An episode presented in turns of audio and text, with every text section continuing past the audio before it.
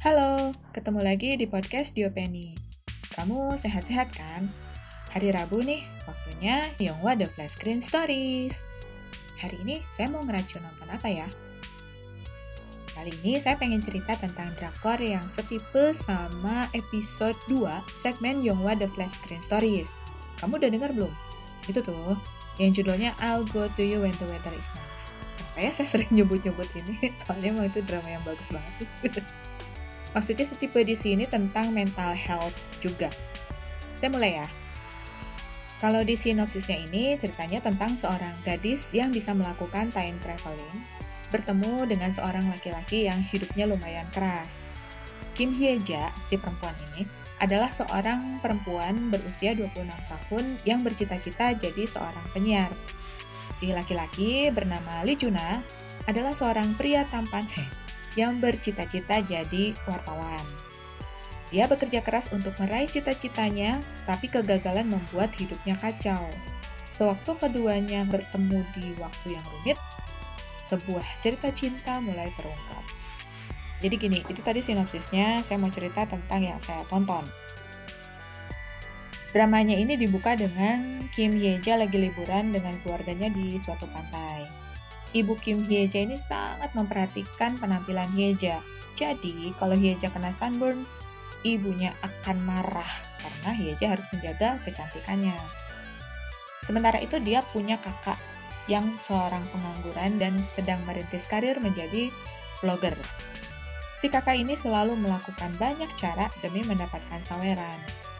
Suatu hari, pas ada reuni kampus, biasalah ya, suka banding-bandingin karir gitu kan ya. Sementara si Hyeja ini belum punya karir, dia kenalan sama Lee Junha. Kesan Lee Junha dan Hyeja pas acara minum-minum gak terlalu bagus. Sampai mereka ketemu lagi sewaktu Hyeja diajakin demoin kebijakan pemerintah setempat. Yang ikut demonya termasuk para nenek loh. Ada seorang nenek yang dideketin Hyeja karena tampaknya mengkhawatirkan. Eh, taunya nenek ini adalah neneknya Junha, Terus nenek Jonah nih berusaha menjodohkan Yeja dengan Jonah. Gitulah cerita.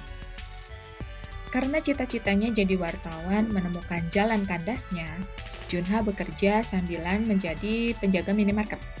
Gantian shift sama sahabat Hyeja yang terobsesi untuk debut. Dia pengen banget jadi penyanyi. Hyeja dan Junha ini sering ketemu nggak sengaja di tempat minum. Mereka bisa dibilang punya hubungan yang unik. Jeja ceritanya punya jam tangan ajaib yang konon bisa memutar waktu. Suatu ketika, Junha tampak putus asa karena masalah keluarga, Jeja minjemin jam tangan ajaibnya itu. Meski merasa konyol, Junha berbaik hati mau menerima pinjaman jam tangan ajaib itu. Pada saat Hyeja merasa putus asa, dia datangin Junha untuk meminta jam tangan ajaib itu balik karena dia pengen muter balik waktu biar ayahnya tetap hidup. Ayah Yeja tertabrak truk ketika mau narik taksi. Ayah Yeja berprofesi sebagai supir taksi.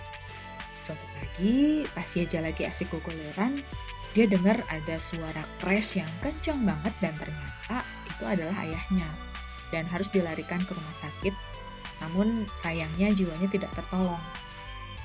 Berapa kali pun Yeja berusaha time travel ya ke waktu di mana ayahnya belum kecelakaan pakai jam tangan ajaibnya itu, resultnya selalu sama. Ayahnya selalu tertabrak dan meninggal. Dan karena terlalu keras berusaha, Hyeja berubah jadi seorang perempuan tua berusia 70 tahun. Ih, kebayang ya, lagi masih muda-mudanya tiba-tiba dia berubah jadi cewek, jadi perempuan tua. Ya jelas, dia nggak terima dong. Sempat mengurung diri selama beberapa waktu, berusaha keras untuk balik lagi menjadi Hyeja di usia 26 tahun. Tapi ya itu, berkali-kali berusaha balik ke masa muda, tetap gak berhasil. Akhirnya, Hyeja buang jam tangannya, yang kemudian Hyeja sesali suatu hari dengan menjadi terobsesi dengannya. Padahal sahabat-sahabatnya tuh ngasih support bahwa serentak apa pun fisiknya Hyeja, mereka masih sahabat gitu. Jadi mereka masih bertiga itu masih sahabatan gitu. Nah, nggak cuman itu, Hyeja juga berusaha caper sama Jonah untuk menunjukkan kemiripan dirinya dengan Hyeja yang muda itu. Hyeja ini, Hyeja tua ini ngakunya sih dia adalah tante nenek eh gimana sih nenek tante kali ya nenek tantenya Hyeja Hyejanya lagi pergi ke luar negeri kurang lebih lah ngomong gitu tapi si Juna ini kayak nggak peduli lagi sama si Yeja. Soalnya kan yang dihadapin sekarang kan nenek-nenek gitu ya. Nah gara-gara itu akhirnya si Yeja tuh berusaha untuk menerima kenyataan bahwa dia akan menyesuaikan dirinya yang terperangkap ke dalam tubuh renta dengan segala problematikanya. Jadi dia ya udahlah gue terima aja gitu kalau aku nggak bisa jadi anak muda lagi gitu. Dia nggak akan lagi berusaha untuk mengubah dirinya menjadi anak muda kembali untuk nunjukin kebangkitannya itu dia mulai bantuin ibunya di salon dan seterusnya dan seterusnya kebiasaan-kebiasaan si Hyeja muda dia lakukan. Oh iya dia juga punya job part time job jadi announcer di itulah di minimarket jadi kalau ada pengumuman yang ngajak-ngajakin kasih tahu promo-promo kalau ada diskon-diskon gitu. Bayarannya ya kebutuhan sehari-hari gitu di rumahnya. Keren ya. Nah, terus dia juga mulai beraktivitas sesuai manula. Salah satunya adalah datang ke panti jompo dan berteman dengan para lansia yang ada di sana. Nah, ketika hari pertama dia datang ke panti jompo itu, dia kaget karena ternyata si Junha kerjanya di panti jompo bukannya jadi wartawan dikiranya selama ini tuh kan si Junha tuh kalau kebetulan kan lokasi rumahnya si Juna sama si Hyeja nih nggak terlalu jauh. Nah si Hyeja sering lihat kalau si Juna tuh pakai bat eh kok batik sih? Pakai kemeja pakai jas. Nah dikiranya tuh jadi wartawan. Gitu. ternyata ya itu kerja di panti jompo sebagai penghibur nyanyi-nyanyi gonjreng-gonjreng gitu lah pokoknya. Ini udah mulai fase cerita di panti jompo ya. Suatu ketika di panti jompo udah beberapa kali datang ke situ, dia melihat seorang kakek yang pakai jam tangan yang mirip dengan jam tangan ajaibnya yang hilang.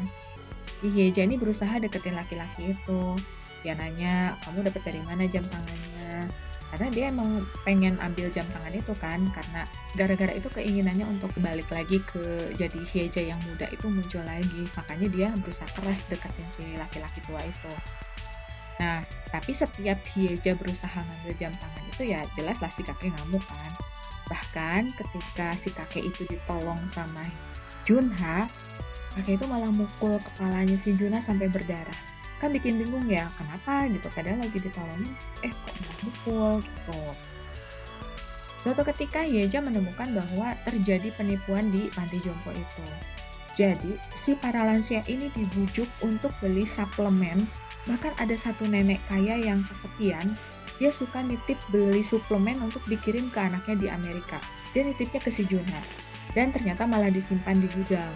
Wah pas tahu itu ya aja marah gitu kan. Kamu jangan nipu dong ke Junha gitu. Tapi ya gimana lagi orang si Junha juga nggak punya alamat anaknya si nenek gitu.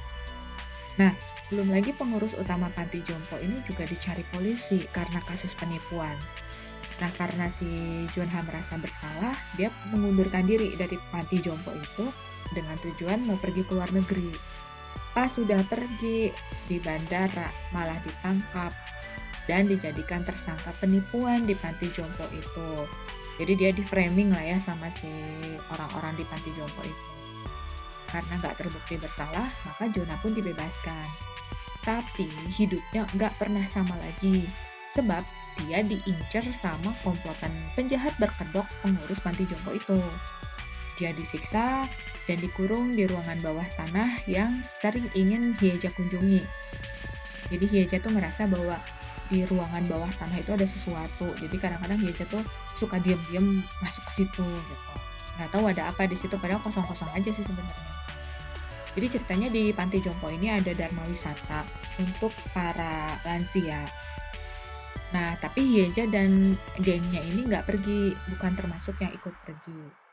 Nah, ternyata acara ini, acara Dharma Wisata para lansia ini akal-akalan si pengurus Panti Jompo orang-orang ini berniat untuk membunuh semua lansia demi asuransi. Jadi mau di setting kecelakaan gitulah. Gitu. Nah, karena Hyeja tahu, maka dia tuh dan si gengnya bermaksud menggagalkan rencana itu. Jadi dia ngajak member panti jompo, teman-teman lansia lain yang nggak punya asuransi untuk mencegah keberangkatan mereka. Rencana mereka setengah berhasil sampai Hyeja tahu bahwa Junha nggak keluar negeri, tapi melainkan ada di dekat dia dalam keadaan terkurung dan terikat di ruang bawah tanah, babak belur habis disiksa dan lemas.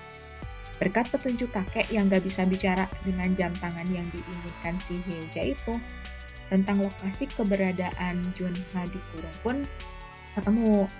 Hyeja dan Hyeja dan gengnya itu mengumpulkan kekuatan dan menyusun strategi untuk menyelamatkan Junha. Hyeja and the gang berhasil menyelamatkan Junha walau dia dan teman-temannya harus berhadapan dengan para preman ini. Mereka sukses kok melarikan diri, bahkan naik bis sampai ke suatu pantai gitu. Intinya mereka sukses lah bawa si Junha keluar dari situ dan orang-orang lansia ini berhasil nggak ikut Dharma wisata dan intinya nyawa mereka berhasil diselamatkan gitu berkat pertolongan Yeja and the Gang. Nah, abis itu sebenarnya saya pengen lanjutin ceritanya, tapi ini gimana ya? Karena habis ini, adegan berikutnya adalah plot twist banget yang nggak pernah terbayangkan sebelumnya. Sama sekali nggak kebaca sejak episode awal. Kalau saya ceritain semua, saya spoil semua, hmm, nanti bikin minat nontonnya hilang. Tapi intinya, setelah berhasil mengalahkan para penjahat ini, muncul adegan plot twist dan itu bukan ending, masih ada beberapa episode berikutnya. Nonton ini tuh perasaan kita kayak endapan kopi yang diaduk-aduk lagi. Bikin depresi kalau mood kita sedang berantakan.